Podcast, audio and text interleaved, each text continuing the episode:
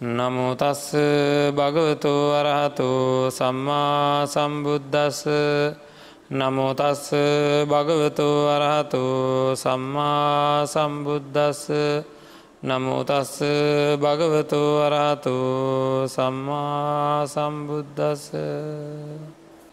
ඒදම්මා හේතු පබවාතේ සංහේතුන් තතාගතුවාහ තේ සංචයෝ නිරෝධෝ ඒවංවාදී මහා සමනෝ සද්ධාපති සම්පන්න පින්නත්න සම්මා සම්බුදුරජාණන් වහන්සේ දේශනා කරණ්ඩය දුන උතුම් ධර්මයට අනුව අපේ ජීවිතය සකස් කරගත්තේ නැත්තං අපේ සසර ජීවිතය නිවැරදි කරගත්තේ නැත්තං සසර සූපත් කරගත්තේ නැත්තං ඒ සුවපත් භාවයට අවශ්‍ය කරන කරුණුකාරණා සම්පාධනය කරගත්තේ නැත්තං නිවන් දැකීම කියලා කාරණාවක් සිද්ධ වෙන්න. දුක් නැතිකිරීම කියන කාරණාව සිද්ධ වෙන්න. තින් එකින්ද කවුරුත් ඒ ධර්මය තුළින් තමන්ගේ නිවැරදි භාවය තමන්ගේ විසුද්ධිය ඇතිකර ගැනීමට අවශ්‍ය කරන කටයුතු සම්පාධනය කර ගණ්ඩ නෑ. ඒකට බුදුරජාණන් වහන්සේ දේශනා කරපු ධර්මය අපි හදාරන්නලා ඒ අනු අපේ ජීවිතය තුළින් ඒ ධර්මය අපේ මේ බභයක් විතර වෙච්ච ශරීරය ආශ්‍රය කරගෙන ඒ උතින් ධර්මය භාවිතා කරලා ඒ තමන්ගේ ජීවිතය ගෙවෙන හැටි සකස් වෙන හැටි තේරුම් ගත යුතු තියෙනවා. ඉතිං ඒ සඳහා අපි බුදුරජාණන් වහන්සේ දේශනා කරපු ධර්මය හදාරණ්ඩෝ නෑ ඒ වගේම හැම නිමේෂයකම තමන්ට ඒ ධර්මය එකතු වෙන විදිහට තමන්ගේ කටයුතු දිහා විමසිලිමත්ව බලන්ඩෝ නෑ කොහොමද මේ ධර්මය මගේ ජීවිතයට එකතු කරගන්න කියලා. එහෙම අරමුණකින් සම්බන්ධ වෙච්ච එහෙම අරමුණකින් සකස් කරන ධර්ම දේශනා මාලාවක් තමයි නිවන් මග ධර්ම දේශනා මාලාව කියලා කියන්නේ. ප්‍රායෝගිකව ධර්මය අවබෝධ කරගන්න කුමක් කළ යුතුද කියල සාකච්ඡා කරන ධර්ම දේශනා මාලාව. ඊය දවසේදී අපි සාකච්ඡා කරන්න යෙදුනා බුදුරජාණන් වහන්සේ දේශනා කරපු ධර්මයට අනුව අපි කොහොමද තන්හා උපාදානය දක්වා පත්වෙන විදිහ කොහොමද කියලා ඒ ඒ අවස්ථාවල තියෙන පියවරවල් පිළිබඳව සාකච්ඡා කරන්න යෙදුනා. ඉතින් ඒ අනුව අපිට තේරෙනවා අපිට මේ කාලෙ මේ වෙනකොට මේ මොහොතේදී කවුරු අර හින්ද බොරුවක් කියන්න වෙනවන. එම වෙනවද කියලා කියනකොටම ඔහල බලන්ඩුවන. මට කවුරු හින්ද බොරු කියන්න වෙලා තියෙනවද. දරුව හින්ද බොරු කියන්න වෙනවාද. ගෙවල් දොරවල් ඉඩංකඩන් යානවාහන ආදිය හින්ද හිතවත් අය හින්ද ස්වාමිය භාරයාව හිද බොරු කියන්න වෙනවාද. වැරදි කරන්න වෙනවාද. කියල හිතල බලන්ට. මට ඒ කියන්නේ යමක් රැක ගැනීම සඳහා යමක් රැක ගැනීම සඳහා වැරදි කරන්න සිද්ධ වෙලා තියෙනවද පංච දුස්චරිතයේ දෙන්ට වෙලා තියෙනවද කියලා හොල බලන්ඩ ඕන. කල්පනා කළ බලන්ට මේ වෙලාවෙම. මගේ දරුවෝ යම් වැරැද්දක් කරනවාද ඒ වැරද්ද හංගන්ට මට සිද්ධ වෙලා තියෙනවාද. මං ආදරය කරන අය හරියට කටයුතු කරන්න නැතිවෙයි කියල හිතෙනකොට නින්දාවෙයි කියෙන අදහසින් මට ඒ ඇත්තං කෙරෙහි බොරු කියන්ඩ නැත්තං තවත් මොනොහරි එහෙම කාරණාවල් වල යෙදෙන්ට වෙලා තියෙනවාද. මේ වගේ සිද්ධ වෙලා තියෙනවනම් ආරක්ෂා කර ගණ්ඩෝ නෑ කියලා මට මේ දේ ආරක්ෂා කර ගණ්ඩෝ නෑ කියලා මම විෂමතත්වයට පත්වෙලා තියෙනවා නම් එන්න එකට හේතුව අපි ඒ සාකච්ඡා කරා යමක් රැකීමේ අවශ්‍යතාවය කියලා. මේ ලෝකයේ තියෙන අපිට පාලනය කරන්න බැරි හුළගේ යනවාවාගේ පහක් තමයි පංචුපාදානස්කන්දය කියන්. පංචුපාදානස්කන්දය කියන්න නිකම් හුළඟක් හුළඟක් වගේ එක. එතකොට මම මගේ කියල අපි මේ අරගෙන තියෙන ශරීරයත් හුළ යනවා වගේ එක. හුළඟ යනවා වගේ කියලා කියන්නේ මේ මට ඕන හැටියට තියෙන විදිහ තියෙන්නේ නෑ. ඒවා කොයි වෙලාවේ වෙනස් වෙනවත් දන්න වෙනස්වීමත් මට ඕන හැටිරන්නේ වෙනස්වෙන්. හරිර බලන්ඩ හස පාවෙලා යන වලාකුලක් ඒ වලාකුලක හැඩේට මොකද වෙන්න? වේගෙන් වෙනස් වෙන නේද? අපි ඒවා හැඩේ දිහා ඉස්සර පොඩි කාලේ බලාගෙන වනේ දන්න අස්සෙක් වගේ කීකි බලාගෙන නකොට ඒක වේගෙන් වෙනසලා අන්න දැන් ඒක වෙනස් එකක් වගේ වෙනවා. ආයෙ වෙනස් එකක් වෙනවා. ඒකට හේතු වෙන්නේ හේතු වෙන කාරණා වෙනස් වෙනකොට ඒකේ හැඩතල වෙනස් වෙනවා.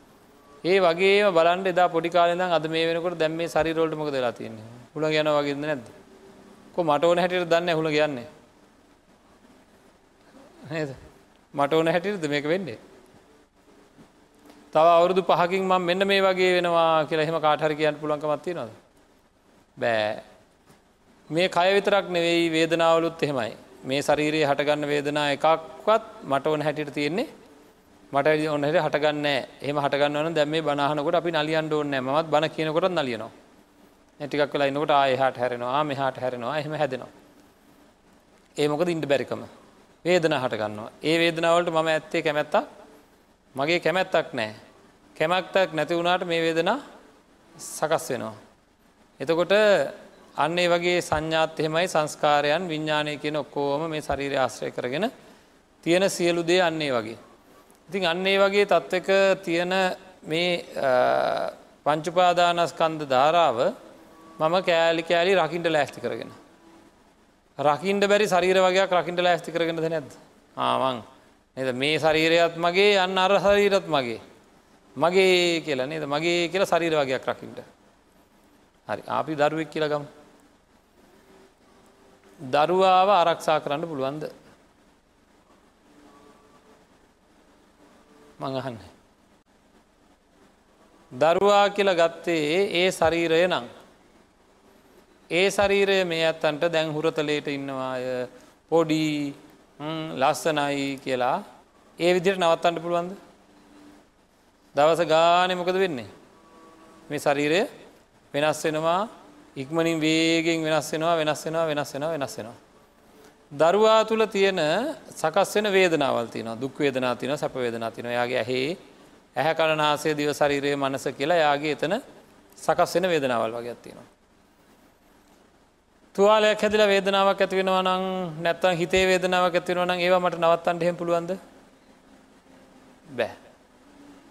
බෑ නේද? ඒ හට ගන්න වේදනාව නවත්තන්න පුළුවන් කමක් නැත්තේ නෑ. එයාට සැප වේදනාව එනවට අම්මලා කැමතිද නැද්ද? කැමති. ඒ සැප වේදනා පුළුවන් ද නවත්තන්න? ආයෙනම් පුතේ ඔයා සැප වේදනාවෙන් ඉන්න ඕනේ. නේද? ඒකට ඉතින් අපේ අත මොකද කරන්නේ? පුළුවන් තරම් ගිල්ලවනවා මොනවා හරි. නේද? මේකත් කණ්ඩ මේකත් කණ්ඩ මේකත් කණ්ඩ. මොකද ඇව උතර කණ්ඩ දෙන්න ඇත ළමයින්ට? නේද? මොකද එයාට සැපවේදන එක දිගට තියෙන්ට ඒ තව කණ්ඩ තව කණ්ඩ තව කණ්ඩ කියලා.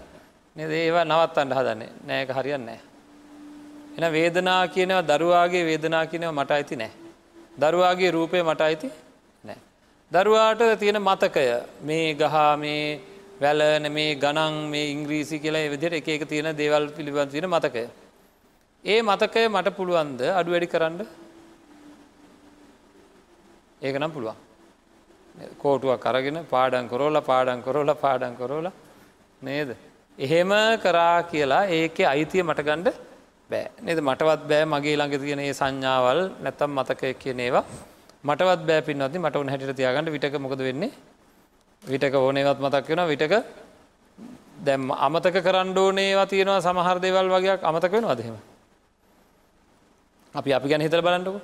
ඔන්න මල ගෙදරක් හරිමක් කරන නැතන් අමිහිරි සිද්ධියක් තියෙනවා. අමිහිරි සිද්ධිය ති මට මතක් කෙනකට දුකයින ඉති මතක් කරන්න ඇතු ඉන්නක. ජීවිතේ වෙච්ච අමිරි සිද්ධියක් මට මතක් කරනකොට වේදනයි. එහෙම නේද? ඉති මතක් කරන්න ඇතු ඉන්නකෝ. මතක් වෙනවා. නේද? එනම් මගේ සංඥාවල් මට ඕන හැටියට නවත්ත නවතිනවද? නෑ. දරුවගේ? එන දරුවගෙත් එහෙම තමයි. දරුවගේ ආදරය දරුවට තරහයනේවා ඉරිසියාව ක්‍රෝධය වෛරය ඒ වගේ ඇතිවෙන ඒවා මට නවත්තන්න පුළුවන්ද. එය මට ඕන හැටිට වෙනවාද. නෑ එනම් ඒටිකත් නෑ. නේද. දරුවාගේ ඇසේ පෙනීමේ දැනීම ඉරිසියාව ක්‍රෝධය ආදරය වෛරය වගේවා සංස්කාරයන්. ඇසේ පෙනීමේ දැනීම කනේ ඇසීමේ දැනීම නාසේ ගාග්‍රහණය දැනීම දිවේ රස දැනීම ශරීරයේ සීත උෂ්නාදිය දැනීම මනසේ ආදරයාදිය දැනීම. කියලා කියන මෙන්න මේ විඤ්ඥානයන් එකක්වත් මට ඕන විදිහට දරුවාගේ නවත්තන්ට පුළුවන්ද? බෑ. දැත දරුවගේ මොනද පාලන කරන්න පුළුවන්? දරුවාව රකිනවා කියලා මොනවද රකිට පුළුවන්? මොකුත් බෑ. මොකුත් බෑ. අන්න එහෙම පින්නත්න අපි අති එවනට අපිට දැනෙනවා රකිට පුළුවන් කියලා. අපි දරුව රැක ගන්නවා. නැද්ද? දරුව රැක ගන්නවා. හරිද? මං හන මෙන්න මේ මෙහෙම ඒ රැකගන්නවා තමයි. මේක තේරුම් ගණ්ඩෝ නෑ කුලී නිවසක අයිතිය කුලී නිවස ගැන මට මගේ නිවස කියලා අදහසක්වත් වෙනවාද ඇයිෙන් නැත්තේ? ඒක මට ඕන හැටිට තියෙන්නේ නැති හින්දා. නමුත් ඒක මට දොරවල් අරින්න පුළුවන් ජනෙල් අරින්ට පුළුවන් උත්සවයක් ගණ්ඩ පුළුවන් ඕන වෙලාක වහලා යන්න පුළුවන් නේද? ඉති මගේ ගෙදර කියන්න ෑනේ වුණට ඇයි ඒක පරම අයිතිය මට නෑ. එහෙම හිටියට මගේ කියන හැඟීමක් මට එන්න ඇත් ඒක කඩන්ඩ බෑ හදන්ට බෑ. ඒක පාට ගාන්ට බෑ. මොකක්වත් බැරිහින්ද. ඒ වගේ මේ දැන් ඒ වගේ මේ දරුවාගේ පාට දරුවාගේ හැඩය දරුවාගේ උස දරුවාගේ කොට මහත ආගේ මොකක්වත් අපිට පාලනය කරන්න පුළුවන් බෑ. ඉස්සල මංකවගේ වේදනා සංඥා සංකාර එකක්වත් පාලනය කරන්න බෑ. එහෙනම් දරුවා කියන දේට මගේ කියලා ගණ්ඩ පුළුවන්කමක් ඇත්තේ ඇත්තේ නැහැ. තේරනවද? එහෙම නේද? හරි. දැන් දරුවා කියල කෙනාට මගේ කියලා ගණඩ පුළුවන්කමක් ඇත්තේ නෑ ඊළඟට බලන්ඩ පි නද මේ පාලනය කරනවා කියන්නේ මොකක්ද කියලා. මේ ලෝකයේ නීතියක් තියෙනවා. වතුර පොහොර පස්න් හුළං සහ බීජ එකතුනොත් මොකද වෙන්නේ පැලයක් හැදෙනවා. මෙන්න මේක දන්න අපි මොකද කරන්නේ මේ බීජයක් බිමට දාලා ඒටික ලං කරනවා. හොඳර වතුර දානවා නේද පොහොර දානවා අන්න පැලයක් හැදෙනවා. පැලේ ඉස්සෙල්ලාම එන කොළ දෙක කොච්චර ලොකුවට එන්ඩ ඕනද කියලා මට තීරණය කරන්න පුළුවන්. මට අර හේතුවලට හේතු ටිකක් හේතු හැදෙනකොට පලය සකස් වෙනවා. දරදානකොට මං මෙහෙමහන්නම් ලිපේ ගින්දර වැඩි කරලා තිනවාද. ලිපේ ගින්දර වැඩි කරලා තිනවාද. හොඳට හිතල බල උත්තරැදෙන් ඇතර මේ හාමුදුරන්න මොකදුන්නේ නේද. අපි ලිපේ ඉන්දර වැඩි කොල්ල නැත මේ මොනද මේ හන්නේ. පින්නන්නේ මන් දැකලා තින දරනං ඇතුළ කරනවා. ගින්දර වැඩි කරලා තිනවාද. දරදානව නම් මන් දැකලා තියෙනවා පිමිනිවත් දැකලා තියෙනවා. අලු අයින් කරන්න පිමිනෝ. අලු අයින් කරනකොට පිඹලා දර ඇතුල් කරනකොට ගින්දර වැඩි වෙනවා බණු වැඩි වෙනවා. මං වැඩි කරනවා නෙවේ. එහෙනම් ගින්දර වැඩි වෙනවා ගින්දර වැඩි කරනවා නෙවෙයි ගින්දර වැඩි වෙනවා. ආංගේ වගේ යහගුණ කියලා දෙනකොට දඩුවන් දෙනකොට එන්න ඒ ලෝක නීතියට අනුව ලෝකයේ තියෙන පටිච්ච සමුපන්න ස්වභාවයට අනුව මේ ලෝකෙ සමහර දෙවල් ක්‍රියාත්මක වෙනවා. එහෙම නොවෙන වෙලා ඔලුත් තියෙනවද නැද්ද. වතුර දැම්මට පොහොර දැම්මට සැලකුවාට අව්‍ය තිබ්බට අව්ුවෙන් අරන් තිබ්බට සමහර ගස් හැදෙන්න ඇට රයිවා නේද? එමන කොච්චර සාතුකරත් හැදෙන් නැති ගස් ජාතියකුත්තියෙන ආගේ වගේ මට අදාළ නැති විදිහකට තමයි මේකේ දේවල් සිද්ධ වෙන්නේ. එතකොට හුළග යනවාගේ හරියටම බැලුවොත් මම කොච්චර දැඟලුවත් මට ඕන හැටියට කිසිීම දෙයක් තියාගන්න පුළුවන්කමක් ඇත්තේ නෑ අන්න ඒ තියාගණ්ඩ පුළුවන්කමක් නැති පටිච්ච සමුපන්නව එකැන හේතුූන් අඩු වැඩි වෙනකොට ඒකට ආහාර වෙන යමක් තියෙනවද අන්නේ ආහාරයට වෙනව ගැන හේතු වෙන දෙයක් හේතු වෙන දේවල් වල අඩු වැඩිවීම් වෙනකොට පලය වෙනස් වෙනවා. අන්න ඒකට ගැලපෙන විදිහට සමහරලාට අපි සමහර වැඩ අපි ඇති වෙනවා. එතකොට අපිට හිතනවා මේක පාලනය කරනවා කියලා. උදාහරණය තමයි දර ගින්දර අඩු වැඩි කරන්න හේතුවෙන්නේ දරනේ. දරහෙ මේක නොට ගින්දර වැඩියන එතර අප හිතන අපි ගින්දර දැම්ම කියලා. ගින්දර පාලනය කර කියලා. කටි කියන්න තැල මන් ලිපට ගින්දර දැම්ම. මම දාපු ගින්දරක් නෑ. මන් දර තමයි දැම්මේ. එහෙනම් අන්නේ වගේ තමයි. ඒ වගේ මේ ලෝකයේ තියෙන දේවල් මම කරලා මට කරන්ඩ මට කරවන්ඩ පුළුවන්කමක් ඇත්තේ නෑ. ආගේ වගේ දේවල් වගේ අපි රකිින්ට උත්සාහ කරන හැමලීම. හරි ආගේ රකිින් උත්සාහ කරන්න යම් යම් වස්තු කෙරෙහි තියෙන මසුරුකම හින්දා කියලා ඒ අපි සාකච්ඡා කර. මේ රකිින්ට බැරි දේවල් රකිින්ට උත්සාහ කරන්නේ මසුරුකම හින්දයි. මසුරුකම හැදුනේ අපේ තුළ ඇතිවෙච්ච මගේ කියන හැඟීම හින්දයි. මසුරුකම ගැන වෙන කාටවත් දෙන්න නෑ වෙන කාටවත් දෙන්න නෑ කියෙන හැඟීම. මගේ කියල හැදුනේ මගේ කියන හැඟීම ඇතු ඇතිවුණේ මගේ වගේ කියලා තමන් අදහස් විමසුව හින්දයි. හරිද එතකොට ඒකට අපික අජ්‍යාවසනය කියලා. එහෙම එකක් ආවේ චන්දරාගය ඇතිවෙච්ච හින්දයි. චන්ද්‍රාගය කියලා කිවේ මේ තියෙන රූප ශබ්ද ගන්ධ රස ස්පර්ශයන් දැකීමේ ඇසීමේ විදීමේ ආසාාව. එහෙම එකක් ඇති වුණේ විතර්ක විනිශ්චය කරපු හින්දයි. එටි අපි සාකච්ඡා කරා දැන් ති මේ විදිහට ගියාම අන්තිමට නැවතුනේ කොහෙද විතර්ක විනිශ්චය වුණේ පර්යේෂණය හින්දයි. ලාබය හින්දයි. ලාබේ කියන ඇතුනේ පර්යේෂණය හින්දයි. පර්යේෂණය තුනේ තන්හාාව හින්දයි ඒ දවසක් මටික ඔක්කොම විස්තර කරගත්තා. තන්හාාවට හේතුනේ පින්නත්න අපිට ඇතිවෙච්ච සැපවේදනාවයි. බලන්ට පොඩක් දැන් අපි එතනින් පටන්ගම තකොට මේ අත්තට මේක තේරුම් ගන්න පුළන් ඒ දවස ධර්ම දෙසනාව නැතත්. යම් දෙයක් කෙරෙහි තන්හාාව ඉපදුනේ කොයි විදිහද කියල බලන්න. මේක තෝරගණ්ඩ හැමදාම අපි කියන උදාහරණයක් තියෙනවා ඉතින් මේක අපි හැම්වෙලේ අපිට මේ පටිච සම්පන්න ධර්මය මොකද කංකා විතරන විසුද්ධිය ඇති කරගණ්ඩ උත්සාහ කරනවනං ඒ ඇත්තෝ මේ පටිච සම්පාත් ධර්මය හැම නිමේශයකම තමන්ට දැනෙන විදිහට කවදහරි දවසක අපේ හිත සකස් කරගණ්ඩෝ නෑ. ඇත්තට මං අහන මේ ඇත්තන්ගේ අද මෙන්න මේ දේවල් නැතිවුණොත් මට දුකයි කියලා හිතන තරමට දුක්වේදනා සකස් වෙන මට මේක නැතුව බෑ මේක නැතුව බෑ මේක නැතුව බෑ කියලා තමන්ගේ ජීවිතයට එකතු වෙච්ච දෙවල් වගේ තියනොද නැද්ද. මට මේවා නැතුව බෑ මට මේවා නැතුව බෑ මේවා නැතුව බෑ මොනවද මට මගේ දරුව දකිින් නැතු ඉන්න බෑ. මට මගේ මුණුබුරුව දකිින් නැතු ඉන්න බෑ. මට මගේ ගෙදර නැතුව බෑ. ඉඩම නැතුව බෑ. හරි නැතුව බෑ නැතුව බෑ කියලා නැතිවුණොත් දුක්කුපදින දෙවල් වගේ තියෙනවද නැද්ද? එහෙම ලයිස්තුවත් තියෙනවා. ආංගේ ලයිස්තුව හින්දා නේද දුක්විදින්නේ නේද? ඒ ලයිස්තුව හින්දනේ දුක්විදින්නේ ඔන්න ලයිස්තුව හැදුන කොහොම දන්න. ඇඩන ලයිස්තුවත් තියනන අපිට ඇඩන ලයිස්තුවත් තියනවා. මේ ලයිස්තුව හැදිච්ච විදිහ ඒ අපි සාකච්ඡා කර නමුත් අපේ එකයි. මුලාරම්භය මූලික තැනට තමයි අද දවස අපි අවධානයමු කළ බලන්න හදන්න. මේක ඇත්තටම සෙල්ලමක් නෙවේ. අපි ඔහේ ඉන්න මේ ජීවිතේ. හොඳටම විශ්වාසද දැන් හදිසිය මලොත් මනුසය කියලා උපදී කියලා.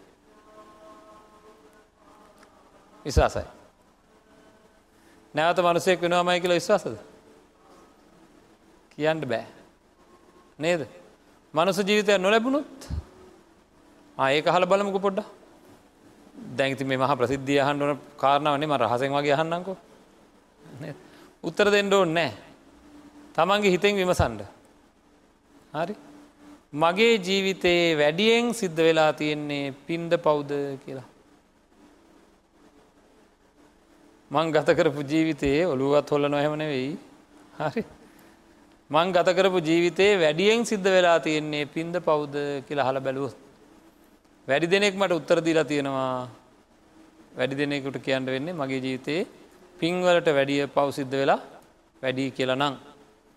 ඉළඟට මං අහනවා ලෝභ දේශ මෝහ කියන අකුසල සිතුවිලිද? අලෝභ අධ්‍යේශ අමෝහ කියන කුසල සිතුවිලිද මට වැඩියෙන් ඇති වෙලා තියෙන්නේ කියල මං ඇහුවොත්. ඒක නම් වැඩියෙන්ම ලෝබ දේශමෝහ තමයි ජීවිතය ගෙවනකොට. එනම් වැඩියෙන් පව් කරගෙන තියෙන වැඩියෙන් අකුසල් සිද්ධ වෙලා තියෙන මම අද හැන්දෑවේ මලොත්. අද හැන්දෑ මැරුණොත්. කාගෙත් අදහසත් තියෙන පින්නත්න මෙහම යංකු ඉතින් මට ප්‍රශ්න වැඩි මගේ තියෙන මේ ප්‍රශ්නටික ඉවර කරලා මම ධර්මය පැත්තට හැරිලා ඊළඟ ජීවිතරත් මොහරි කොරගණ්ඩෝ නෑ කියලා හුඟක් කට හිතානින්නවා. නේද. ඒක මොන දෝසය වගේද. බාලගිරි දෝසය වගේ. හැම වෙලේම කල් යනවා එක. අද නෙවේ හෙට අද නෙවේ හෙට අද නෙවේ හෙට. හැමදාම කල්දානවා. අන්තිමට බාලගිරි දෝසය අදනවේ හෙට වුණාට මරණය දවසක් එක දවසක් එෙනවා මරණය මරණය මරණයට බාලගි දෝසෙන් තාතින අදනවේ හෙට කියලන ඒවනට ඒක වෙනස්සෙනක වාට මොකද මරණය හෙට නෙවේ අද කියලා එක දවසක් එනවා. ඒ වෙනකොට මුකූත්ම තමන්ගේ කුසල් සංවර්ධනය කරලා නැත්තා. එදාට හරි. මේ බණටික කියලා ආරන්නට අන්ඩ ඉස්සෙල්ලා වැඩේ වෙන්ට තිනට කඩත්ති නොද නැත. නේද. ඒක තමයි ඇත්ත එක තමයි සම්පූර්ණයෙන් ඇත්ත. ඉතින් ඒක හින්දා මේන්න මේ තියෙන පව් සිද්ධ වනේ අකුසල් සිද්ධ වනේ ඇයි කියලා පින්නත්න අපි හොල බලන්ඩ ඕනේ. මට නොඒකු දෙවල් නැතුව බැරි වුණා. මෙන්න මේ නැතිව බැරි වෙච්චේව හින්දා මම ඒවා රැකගණ්ඩ මගේ හිත හැම්වලේම් පෙළබෙනවා. ගහල හරි ආරක්ෂා කරගන්න ඕනේ. බැනල හරි ආරක්ෂා කරගන්න ඕනේ. බොරු කියල හරි කමන්නේ කේලං කියල හරි කමන්නේ පරුසවචන කියල හරි කමන්නේ නේද උගාක් වෙලාවට අපිට පරුසවචන කියන්ට ගහන්ඩ බනින්ට දඟලන්ට වෙලා තියෙන්නේ. ඔන්න ඔය නැතුව බෑ කියල අපේ හිත්වලට ඇති වෙච්ච දෙවල් හින්දද නැද්ද? ඒවා හින්දම තමයි. හොඳයි. දැම් බලන් මොහොතකට පොඩ්ඩක් කල්පනා කළ මේක උනේ කොහොමද කියලා. ඉපදිච්ච දවසේම මොනවත් දන්න නැතුව බැරි වුණේ දැන් නැතුව බැරි ලයිස්තුව කියක් විතර තියෙනවාද. දැන් මට නැතුව බෑ කියන ලයිස්තුව කියක් විතර තියෙනවාද. දෙකයි.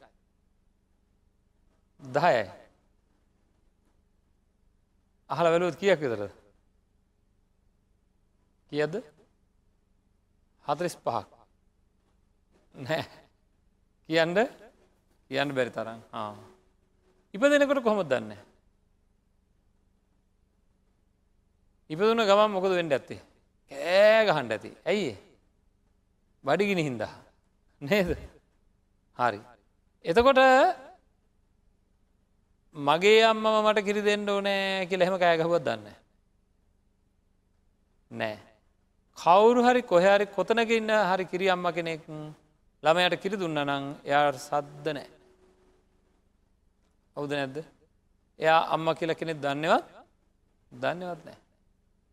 ඒවගේම තමයි අම්මාගේ කටහඬ පිළිබඳ යායට අවශ්‍යතාවයක් නෑ යායට මිහිරි සබ්දයක් ඕන නැලවෙන්ඩ. නේද. ඊළඟට තමන්ගේ නිවස තමන්ගේ ඇඳගින්න ඇඳුම් කියලා පාට ගැනක්වත් අදහසක් නෑ සීතයෙන් උස්නෙන් බේරෙන්ඩ ඇඳුමක් ඕනෑ මැසි මදුරුවන්ගෙන් බේරෙන්ඩ. නේද. ඒවගේම අව්වෙන් වැස්සෙන් ආදියෙන් බේරෙන්ඩ ඔය මොකා හරි කමන්න චූටි කාමර කැල්ල තිබන වහලයක් තිබන හොඳටම ඇති ඒක අය නද? ළමය බලන්ඩක අප අපේ ළමය මේ ඉපදිල දවස් දෙකයි ටයිල්ල නෑකිල අටනවා ටයිල්ල නැති ගෙදරකට එක්කන්ගේ කියලා අටන හම එකක් හතිනවද ඉක්මට ටයිල්ටි කඩ අල්ලන්ටන මේ ළමය නලවන්ට නේද? ඇත්තන් ඉපතිලා දවස් දෙකයි රෝස පාටක පෙරවා අපි නිල් පාටක පුරුවන් නැතුව මෙයා පිරිමිල මේ එහි අටනවා හමගත්තිනවා එකක් නෑ එයට පාටෙන් වැඩක් නෑ. මොකින් අතරන්න යාට ඕනෑ ඔන්න එකෙන මූලික අවශ්‍යතා විතරයි. නේද. හරි පස්සෙ මොකද වෙන්න කියල බලන්න. අම්මාගෙන් කිරි ලැබෙනකොට දිවට රසවේදනා ඇති වෙනවා සැපවේදන ඇති වෙනවා. අම්මාගේ නැලවිලිගී ඇහෙනකොට එයාගේ කනට සැපවේදන ඇති වෙනවා මිහිර හින්දා. ඊළඟට අම්මාගේ ස්පර්ශය ලැබෙනකොට යාට සැපවේදනා ඇති වෙනවා. මෙන්න මේ වගේ සැපවේදනා ලබා දෙන කෙනා තමයි අම්මා. ටික දවසක් යනකොට මොකද වෙන්නේ. ටික දවසක් යනට මොකද වෙන්නේ. අම්මව නැතුව බැරි වෙනවා. ආං වෙච්ච දේ බලාගණ්ඩ ඕනෑ. අම්මව නැතුව බැරි වෙනවා යාට.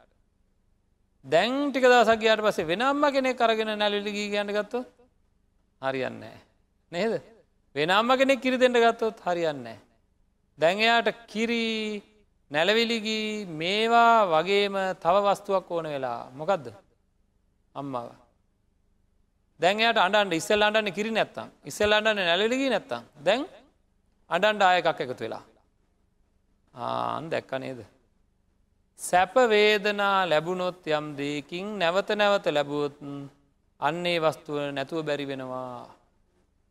ඔන්න ඔය මූලධර්මය හරිද කියල බලන්න පොඩ ඇහෙන් දැක කනෙන් අසා නාසයෙන් විඳ සැපවේදනා ලැබුවේ නං ටික දවසකින් ඒක නැතුව බැරි එකක් බවට පත්වෙනවා හරිද කියල බල පොඩ්ඩක් බලන්න මට එහෙම වෙලා තිනව දන්න අතිතය කියලා. හොඳර බලන්න. නිද? අපි ඒ ගත් උදාහරණය බන්න පිරිමි ළමෙක් පාරය යනවා. ඉතින් එයා බොහෝම කෙලි දෙලින් ඉන්නවා. තරුණ ළමේ යනකොට යාට ස්ත්‍රී රූපයක් දකිනවා ගැහන් ළමෙක්ව දකිනවා දැක්කහම් මොකද වෙන්නේ? සැපවේදන ඇති වෙනවා. සැපවේදන ඇතිවෙන හිද යාමොකද කරන්න? නැවත හැල්ල බලනවා නැවත හැල්ල බලනවා නැවත හැල්ල බලනවා. ඊළඟ දවසෙත් පාර රැකගෙන ඉඳලා නැවත හැල්ල බලනවා නැවත හැල්ල බලනවා. ඊට පස්සේ කතා කරනවා ඉනහ වෙනවා. දැම් මොකද වෙන්නේ ටික දවසකින් නැතුව බැරුව යනවා. දකිින් නැතුව බැරුව යනවා. කතා කරන්න නැතුව බැරුව යනවා. තේරනවාද? ගිනි තියාගත්තා වගේට පස්සේ. එහෙමද නැද්ද? හැම දෙයක් මෙහම නැද්ද කියල බලන්න. මං මෙතෙන්ට ලොකු පළතුරු ගෙඩියක් ගෙනත් තියාගෙන බණ කියනවා.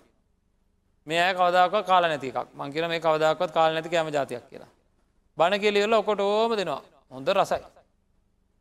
ඇතින් අප ඒ බුදුම රසයි කියයාගෙන කෑව. අසහියෙන්ම කෑවා.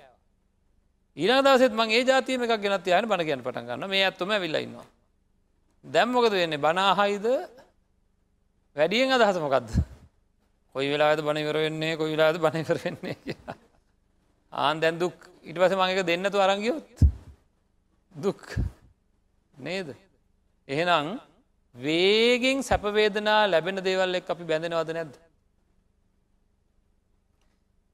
මෙන්න මේ සැපවේදනා ඇතිවෙන දේවල් එක්ක අපේ මේ තියෙන බැඳෙන ස්වභාවය හින්දා මොකක්ද ඇතිවෙන්නේ වේදනා පච්චයා තන්හා. තන්හා පච්චයා උපාදාන. තන්හාාව උපාදාන බවට පත්වෙන පියවර කීපයක්ම අපිය සකච්ඡා කරා. එනම් මේ කරුමකාර තැනට අපි පත්වෙන්නේ දුක් හටගන්න ගිනිගන්න තැනට අපිව පත්වෙන්නේ මෙන්න මේ සැපවේදනා ඇතිවෙන එක හින්දයි. නේද. වේදනාව තමයි තන්නාව හැදුවේ.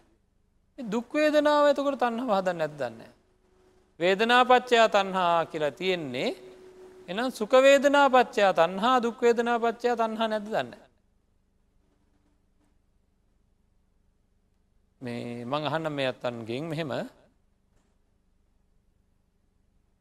දුක්වේදනා ඇතිවෙන්ඩ ඇතිවෙන්ඩ ඇතිවෙන්ඩ ඇතිවෙන්ඩ මොකද ප්‍රාර්ථනාව. කොයි වෙලාවේ හෝ සැපවේදනා ලැබේවා. නේද දරුවා හින්දා සැපවේදනා ලැබෙනවා දරුවා දැක්කහම. එතකොට දරුවා නැතිවුණ හම දුක්වේදනා. එහෙනම් දුක්වේදනා ඇතිවෙන්ට ඇතිවෙන්ට ඇතිවෙන්ට ඇතිවෙන්ට තන්හා ඇතිවෙන්න මොකක් ගැනද. සැපවේදනාව ගැන තියෙන තන්හාාව තවත් වැඩියෙන. ඇත්තට අපි ලස්සන රූප බලන්ඩ ඕනෑ කියලා අපිට මේ තියෙන අදහස මොකද දන්න. ලස්සන රූපයක් දකිනවා. ඇහැට ඇහැ හරියට සතුරෙනවාද. ඒ රූපය දැක්ක ඇහැ මොකවත් දන්නවාද. රූපය දැක්ක ඇහේද වේදන හැදුනේ. නේද ඕන බලන්න වැඩි. දත්කයක්කුම හැදිලා. තදින්. අපි කෙන මේ දත හරීයට වේදනයි කියලා. මේ දතේ කිසිම අන්සුවක් දන්නවද රිදෙනවා කියලා.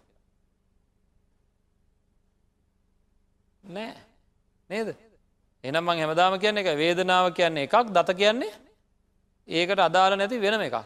හැබැයි දත නැතුව ඉරස මක දත කලව දාන දත කල්ල වේදනාව නෑ එතකොට මං කියන දතේ තමයි වේදනාව තිබ්බ කියලා.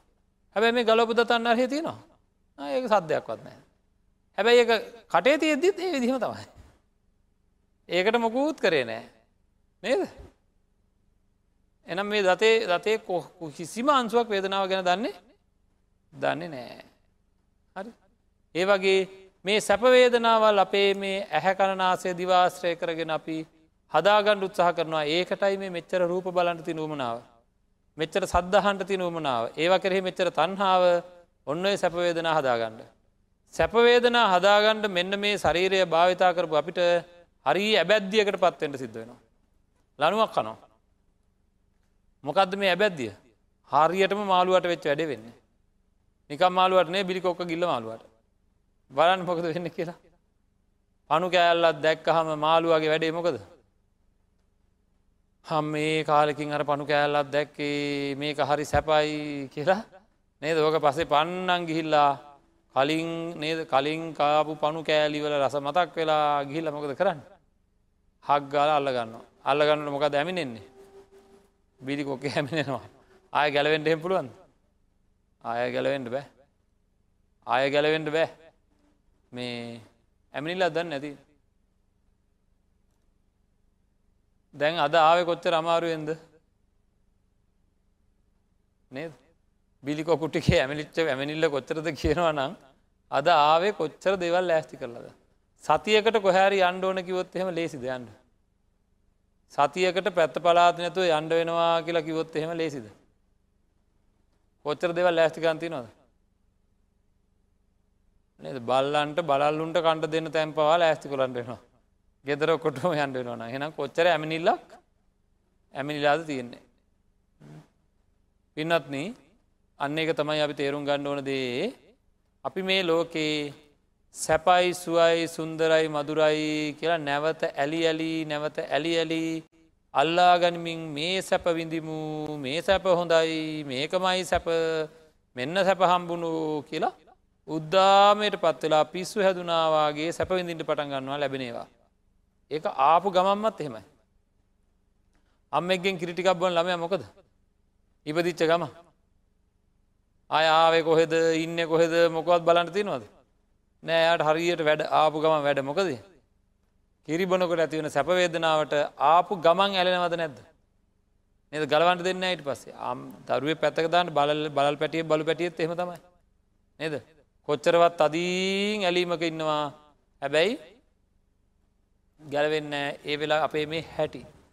මෙන්න මේ හිතේ සැපවේදනාව හැදෙන ස්වභාවය තියෙනවා. එතෙන්ට තමයි මට මේ එන්ඩෝන කරලා තිබ්බේ මං අහන මේ අත්තන්ගෙන් මේ තන්හාාව ගොඩ දේවල් තන්හාාවෙන් ඇල්ලුවේ සැපවේදනා හින්ද දැම් මගේ ජීවිතයට ගොඩාක් ඒව එකතු වෙලා. එකතු වෙලා තියෙන මොනවද මෙන්න මේ නැතුව බැරි දේවල් ගොඩාක් එකතු වෙලා. ඒවා මේ සැපවේදනා වින්ද හින්දා. එහෙමද නැද්ද. එනම් මේ ඇත්තට බං කියනවා ඇයි වින්දේ ඇයි වින්දේ ඇයි වින්දේ දැන් ඉතින් මට කියයි ඕක කියන්න තිබේ දැන්නේ හාමුදුරුවනේ. ඒ කාලෙම පුංචිලාමයට පුංචිලාමයට කියලා දෙන්නත් බෑ. පොඩි කාලෙන් මං කිට්ටු කරල මේ අවුරුදු හතයට ළම යරන් අපි කියල දෙන්න පටන්ගන්න පුතේ සැපවේදනා හම විදින්න එපා මේකින් ඇලෙනවා. පිළිකොක් ඇමුණා වගේ තමයි. කිය කිය කියලා දෙන්න පුළුවන්ද? බෑ. එතකොට මේ හිතේ අපි ලස්සන දේවල් දැකලා මිහිරි දේවල් අහලා ඒවගේම මිහිරි ගන්ධයන් රසයන් ස්පර්ශයන් ලබලා ඒවා ලබනකොට අපේ හිතේ සතුට නැත්තං සැපය ඇති කරගත්තද ඇති වුණාද. ඇති උනා ඇති උනා ඇති උනා දැනට තත්ති මොකක් දන්න. දැනුත් කොහොම දන්න. දැනුත් ඇති වෙනවා ඇති වෙනවා නේද අන්න හරි. අන්නේ ඇතිවෙන්නේ ඉබේද හේතු ඇතුවද. සැපවේදනා ඇතිවෙන්නේ ඉබේද නැත්තං හේතු ඇතුවද. ලස්සන දෙයක් දැක්කොත් හිතේ සැපයක් ඇතිවෙනවා මේක දැකලා සතුටක් ඇතිවෙනවා ඒ සතුට ඒ සතුට ඇතිවෙන්නේ ඉබේද හේතු ඇතුවද. හේතු නැතිවක් මෙහෙ සිද්ධ වෙන්නේ නෑ මේ ලෝකේ හේතු නැති දෙයක් නෑ ඒ දම්මා හේතු පබවා තේසං හේතුන් තතාගතෝ ආහ. තතාගතයණන් වහන්සේ මේ සියලු දේට හේතුව දේශනා කළ තියෙනවා.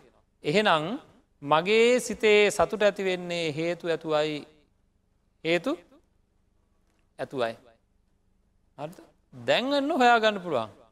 වේදනාවට හේතු වනේ මොනවද ඉතිද පටි සම්පාදය ගැන ගොඩක් දෙවල්ගෙන දැඟතු හාගෙන අන්ඩු නිසරහට වේදනාවට හේතුනේ ස්පර්ශයයි. ස්පර්ශයට හේතුනේ ආයතන. නේද? එන මෙන්න මේ කියන හැකරනාසේ දිව සරිරය මනස කියන ආයතන. ආයතන ගලල දැමන හරිද? බෑ. නේද? එහෙම ගලල දාන්න බෑන මේ හරි. එහෙනම් ස්පර්ශයට හේතුනේ ආයතන. ආයතනයන්ට හේතුනේ නාමරූප වර්ධනය. නාමරූප? නාමරූපයන්ට හේතුනේ විඤ්ඥානය හොයාගෙන කැකිලි රජ්ජුරු හොයාගෙන ගිය වගෙන විඤ්ඥානයට හේතුනේ සංස්කාරය. ඒ කියන්නේ ඔන්න මේ භවේ උපන් අර පුංචි ළමයා ඉපදෙනකොට පහළ වෙච්ච විඤ්ඥානය පිළිසඳ ගන්නකොට එකට හේතුනේ යාගේ පෙර පින් පව් සහ භාවනාදිය රැක්ස් කරපු කුසල්. එහෙම නේද හරි. එන විඤ්ඥානයට හේතුනේ සංස්කාරය. ඒ වගේ සංස්කාරයන්ට පින් කරන්ඩ පව් කරන්ඩ ආංකට හේතුනේ අවිද්‍යාවයි. අවිද්‍යාව කියන්නේ නොදන්නාකම. පෙරභවයේ සිද්ධ වෙච්ච අවිද්‍යාව මෙවැනි ජීවිතයක සකස් කිරීමකට හේතුනාද නැද්ද. නේද එහෙනම් පෙර භවයන්වල තිබුණා වූ අවිද්‍යාව අද රිජුවම පටිත් සම්පන්නව අපිට නේද? හරි. ඒක විතර කරම් බෑ. පෙර භවයේ තිබ්බ විද්‍යාව විතරද දැන් හේතු වෙලා තියෙන්නේ? දැන් මොනවා හරි ප්‍රශ්නයක් ඇති කරවන්න පෙරභවයේ තිබ නැත්තන් අතීත විද්‍යාව විතර හේතු ලතින පෙරභවය නෙවේ අතීත විද්‍යාව විතර හේතු ලතින නෑ. දැනුත් පෙරභවයේ තිබ අවිද්‍යාව හේතුවෙන් මේ අවිද්‍යාව හේතු වෙලා මේ ඇහැ කරනාසේ දිව සරිරය හැදුනා නේද එනම් අදටත් මේ පෙනීමේ දැනීම ඇසීමේ දැනීම ආදිය හැදිලා මේ වගේ දුක් සහිත ශරීරයක හට ගැනීම නැවත නැවත කර්මාණ රූපව සිද්ධ වෙන්නේ පෙර කර්මයන් හේතුකොටගෙන. එනම් මේ මොහොතෙත් පෙරකර්මයන් හේතු වෙනවද නැද්ද. ඒ මදිවාට මේ වෙලා වෙත් මොකද වැඩේ. දැනුත් අපිට තවත් අවිද්‍යාවත් තියෙනවද නැද්ද. එහෙනම් පෙරභවයක දැ වෙනස් කරන්න පුළුවන්ද? දැක වෙලා ඉවරච්ච එක වෙනස් කරනවා නම් දැන් කොහේවද වෙනස් කරන්න ඕන? දැන් තියෙනේවා දැනටත් පින්වත්න මේ ලෝකයේ තියෙන දේවල් දැකලා සතුට උපදිනවාද නැද්ද? සැපවේදන ඇතිවෙනවද නැද්ද. ආං ඒකට හේතු එහෙනම් අවිද්‍යාවයි නොදන්නකමයි. හරිද. නොදන්නකම හින්දා මට සැප ඇති වෙනවා. සංකිත්තේන පංචුපාදානක් කන්දා දුක්හා කියලා දේශනාව. මේ අත්තන්ගේ හැකැන සෑම් සංක්ෂිප්ත වසයෙන්ම කෙටියෙන් කියනවනං පංචුපාදානස්කන්දෙම දුකයි කියන එකයි දේශනාව. අපෙන් ඇහොත් මොකක් යයි දන්න. සංකිත්තයන පංචුපාදානක් කන්දා සුකහා කියල තමයි කියන්න අප ඇත්තගෙන් හොත් ඒක හරිම සැපයි කියල තමයි කියන්න. පින්නත් නේ මේ අවිද්‍යාව කියනක තේරුම් ගණ්ඩෝ නෑ අපිට යමක් දැක්කහම සතුටක් ඇති වෙනවා. හරි හොඳට බලන්ඩ මනුස්ස රූපයක් දැක සතුටක් ඇති වුණනා කියලා කිව්වා පියර ළමය කෙරෙහි තරුණු ළමයක් ගැන අපි කිවන්නේ නේද. මෙන්න මේ මනුසරූපයේ ඒ ස්ත්‍රීරූපය ගත්තොත් නැත අපි කවුහර කෙනෙ මනුසරූපයක් දැක සතුටක් ඇතින අපි බලන්ඩකෝ කියලා. ඒ මනුස්ස රූප ගත්තහම පාද තලේදං කේසමත්තකය දක්වාම තියෙන්නේ කොහොම දේශනාව තියෙන උද්දං පාද තලා අදෝ කේසමත්තකා තච පරියන්තම් පූරන්නානා ප්‍රකාරස් අසුචිනෝ. පාදතලේ දං කේසමත්තකය දක්වා නො ඒකුත් ආකාරයෙන් තියෙන අසුචි අසුචීන් තියෙනවා කියලා කියන්න. හරි එතකොට ඇත්තද බොරුත් දන්න. ඇත්තර මේ ශරීරයක් ගත්තහම එහෙමදන දෙව හරියට කුණුප කෑලි. පිළිකුල්ම දේවල්. ඉතා පිළිකුල් දේවල් නෙවේද මේ ශරීරෝල තියෙන්නේ. ආන්ගේ ශරීර දැක එහෙනම් සතුට උපදින වෙලාවක් තියෙනවනං අන්න ඒ සතුට උපදින වෙලාවේ ඒ තැනැත්තාගේ තියෙන්නේ නොදන්නාකමද්ද නැද්ද. ඇත්ත වැහෙන ගතියක්ද නැද්ද. මේ බලන් මේ වැහෙන ගතිය ගැන අපි හොඳට හොයාගන්නඩ නොදන්නාකම සහ අසිහිය කියන දෙක මොතන තියෙනවා.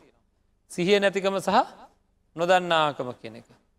සිහිය නැතිකම කියන එක මේ බලන්ඩ පින්නත්න මේ ශරීර පිළිකුල් කියලා අපි අපි දන්න නැද්ද. ආහෙන නුවන තියෙනවා. නේද මේ ශරීරයේ පිළිකුල් කියලා අපිට නුවන තියෙනවා. හැබැයි ඒ පිළිබඳ සිහිය නෑ. ඒ පිළිබඳ වූ සිහිය නෑ යම් යම් ශරීර දකිද්දී ඒ ශරීර සුවයි සුන්දරයි මදුරයි ප්‍රියයි කියල අපිට ලොකු අදහස් ඇතිවෙනවා. ආංඒක හින්ද ඒ ශරීර පිළිබඳ සතුට ඇතිවෙනවා. ආගේ යම් දෙයක් පිළිබඳ සිහිය වැඩි කරන්න නම් බුදුරජාණන් වහන්සේ මොකද කරන්න කිවේ. නැවත නැවත ඕනම හැඟීමක් වර්ධනය කරන ගණ්ඩ නම් වැඩි කර ගණ්ඩ නම් ඒක නැවත නැවත නැවත නැවත මෙහි කරන්න ඕන එන ඔන්න අසුභ භාවනාව වඩන්න කිවා. හරිද එතකොට අසුභ භාවනාව වඩන කෙනාට අසුබයි කියන හැඟීම ටික ටික ටික ටික ටික ටික වැඩිවෙන පටන් ගන්න. අන්න ඒ අසුබයි කියන හැඟීම ප්‍රබලව වර්ධනය වුණට පස්සෙ පින්නත්න මොකද වෙන්නේ එකන්නේ මේ ශරීර පිළිකුලයි කියන හැඟීම ඇතුනාට පස්සේ මනුස්ස ශරීරයක් දකිනකොට අපිට ඇතිවෙන අදහස තමයි අර වෙනදාට සතුටු වෙච්ච එක වෙනුවට දැන් ඇතිවෙන්නේ කලකිරීම. වෙනදාට ඇලිච්ච එක වෙනුවට දැන් ඇති වෙන්නේ නොඇලීමක්. වෙනදාට ග්‍රහණය කරගත්ත එක වෙනුවට දැන් ඇති වෙන්නේ අතහැරීමක්. වෙනදාට අර සතුටු වෙලා ඇලිච්ච ශරීරය පිළිබඳ දැන් හරියට අසුබය මෙහි කරට පස ඇතිවෙන්නේ කලකිරීමක් වැඩක් නෑ කියෙන හැකිීම. වේදනාව ගැනත් එහෙමයි. කාය වේදනා චිත්ත දම්ම කියලා බුදුරජාන් වහන්සේ සතිපට්ටහනයක් දේශනා කරේ ඔන්න ඔය හතරේ ඇත්ත තත්වය අපිට පැහැදිලි කළ දෙන්න. මේක අපිට පැහැදිලි වුණාද මේක අපිට තේරුණාද අන්නර මුලින්ම වැරදිච්ච තැන හරියනවා. මුලින්ම වැරදිච්ච තැන කොතනද රූප ශබ්ද ගන්ධ රස ස්පර්ශයන් හමුවේ ඇතිවෙන සැපවේදනාව. ඒ සැපවේදනාව හින්ද තමයි එහි සතුට ඇති වුණේ. ඇලුනේ නේද අන්න ඒ ඇලිච්ච එක වෙනුවට ඒ සැපවේදනාව වෙනුවට අපිට ඇති වෙනවා ඒ සතුට වෙනුවට කලකිරීමේ හැඟීම. නොඇලීමක් සතිපට්ඨාන වඩන්නාට සතුට වෙනුවට කලකිරීමක් ඇලීම වෙනුවට නොඇලීමක් කලකිරිචදේ ඇලෙන්නෑන නේද. එතකොට අල්ලා ගැනීම වෙනුවට අතහැරීමේ හැඟීමක් ඇතිවෙන්න. එතකොට අන්න අර තමන්ට ග්‍රහණය වෙලා තියෙන යම් වස්තුූන් තියනවද ඒවාගේ තියෙන ග්‍රහණය ටිකටික ටිකටික බුරුල්ලෙන්ට පටන් ගන්නවා. අඩුවෙන්ට පටන් ගන්නවා විතරන්න වෙයි අලුතෙන් දෙයක් අල්ලගන්නෙත් නැති වෙනවා. ඔන්න තත්වට අපේ හිත හරියටම අපේ හිතේ ඉපදිච්ච දවසේ දං මේ සැපවේදනාවන්හි සතුටු වෙන ස්වභාවය තිබුණා. හරිද එතකොට සතිපට්ටහනය වඩන කෙනෙකුට අන්න ඒ සතුට වෙන ස්වභාවයම අයින් වුණා. සසර ලැබිච්ච මහා ලාභයක් තමයි එක සංසාර ජීවිතය බොහෝම කලාතුරකින් ලැබෙන අවස්ථාවක් තමයි ඔන්න ඔය හිත වෙනස් කරන්න පුළුවන් බව. ඉතින් අන්න එහෙම හිත වෙනස් කර ගත්තොත් පින්නත්න ඔය ඇලි ඇලි ඇලි ඇලි නොඒකුත් දේවල් නැතුව බෑ නැතුව බෑකික සකස් වෙන දේට වැඩිය ප්‍රබලව තමන්ට කලකිරීම් සහගතත්වයන් උදාවෙනවා. සතුටුවීම වෙනුවට කලකිරීම ඇලීම වෙනුවට නොඇලීම අල්ලා ගැනීම වෙනුවට අතහැරෙන ස්වභාවයකට පත්වෙන එහෙම ස්වභාවයකට අපේ හිත පත්වෙනවා. එතකොට අර වගේ නොඒකුත් වස්තුූන් නැතුව බැරි තත්වයට පත්වෙන්නේ නෑ. උපතින් ලැබිච්ච හිත වෙනස් වෙනවා. සංසාර ජීවිතයේම ආපු හිත වෙනස් කර ගණ්ඩ බුද්ධෝත්පාද කාලයක මනුස්ස ජීවිතයක් ලැබිච්ච කාලෙක පුළුවන්කම ලැබෙනවා. අන්න එතකොට තමයි අර බිලිකොක්කේ ඇමිනෙන් නැතුව ඉන්න. මාළුව මාළුවා අර පණු කෑල්ල දැක්කට හොඳට තේරෙනවා යටින් විලිකොක්ක තියෙනවා කියලා. බිලිකොක් අමතකෙච්ච මාළුව තම ඒක ගිලින්නේ. හරි බුදුරජාණන් වහන්සේ අපිට මොකද කරේ පණු කෑල්ල බිලිකොක්ක තියෙද්දිම බිලිකොක්ක හොඳට පෙන්වා.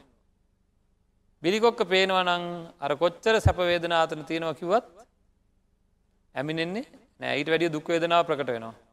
පංචුපාදානස්කන්දය මගේ කර ගැනීමෙන් ලැබෙන්න්න වූ දුක්වේදනාව ප්‍රකට වෙනවන යම් කිසි කෙනෙකුට එයා මේ පංචුපාදානස්කන්දය ඇලෙන්නේ ඇලෙන්නේ නෑ. ඒකින්ද ටිකත් තේරුම්ගට අමාරු කොටසක මේ සාකච්ඡා කරමින් ඉන්න ඇතුලාන්ත වෙනසක් සිද්ධ කරගන්න ආකාරය ඒ පිළිබඳ තවදුරටත් හෙට දවසෙත් සාකච්ඡා කරන්න බලාපොරොත්තුවෙන්. අද දවසේ මේ ධර්ම දේශනාව සඳහා දායකත්වය දරප ඇත්තන් ඉතාමත්ම විශාල පුුණ්‍ය කර්මයක් සිද්ධ කරගන්නවා. තමනුත් ධර්මය තේරුම් අරගෙන අන්න අයටත් ධර්මය ලබාදීම සඳහා කටයුතු කරපු මේ පින්වත් අයට ඒ ධර්මදානමය පුුණ්‍ය කර්මය තමන්ගේ අවබෝධය සඳහාම උතුම් නිවන සඳහාම හේතුවේවා කියල ප්‍රාර්ථනා කරනවා.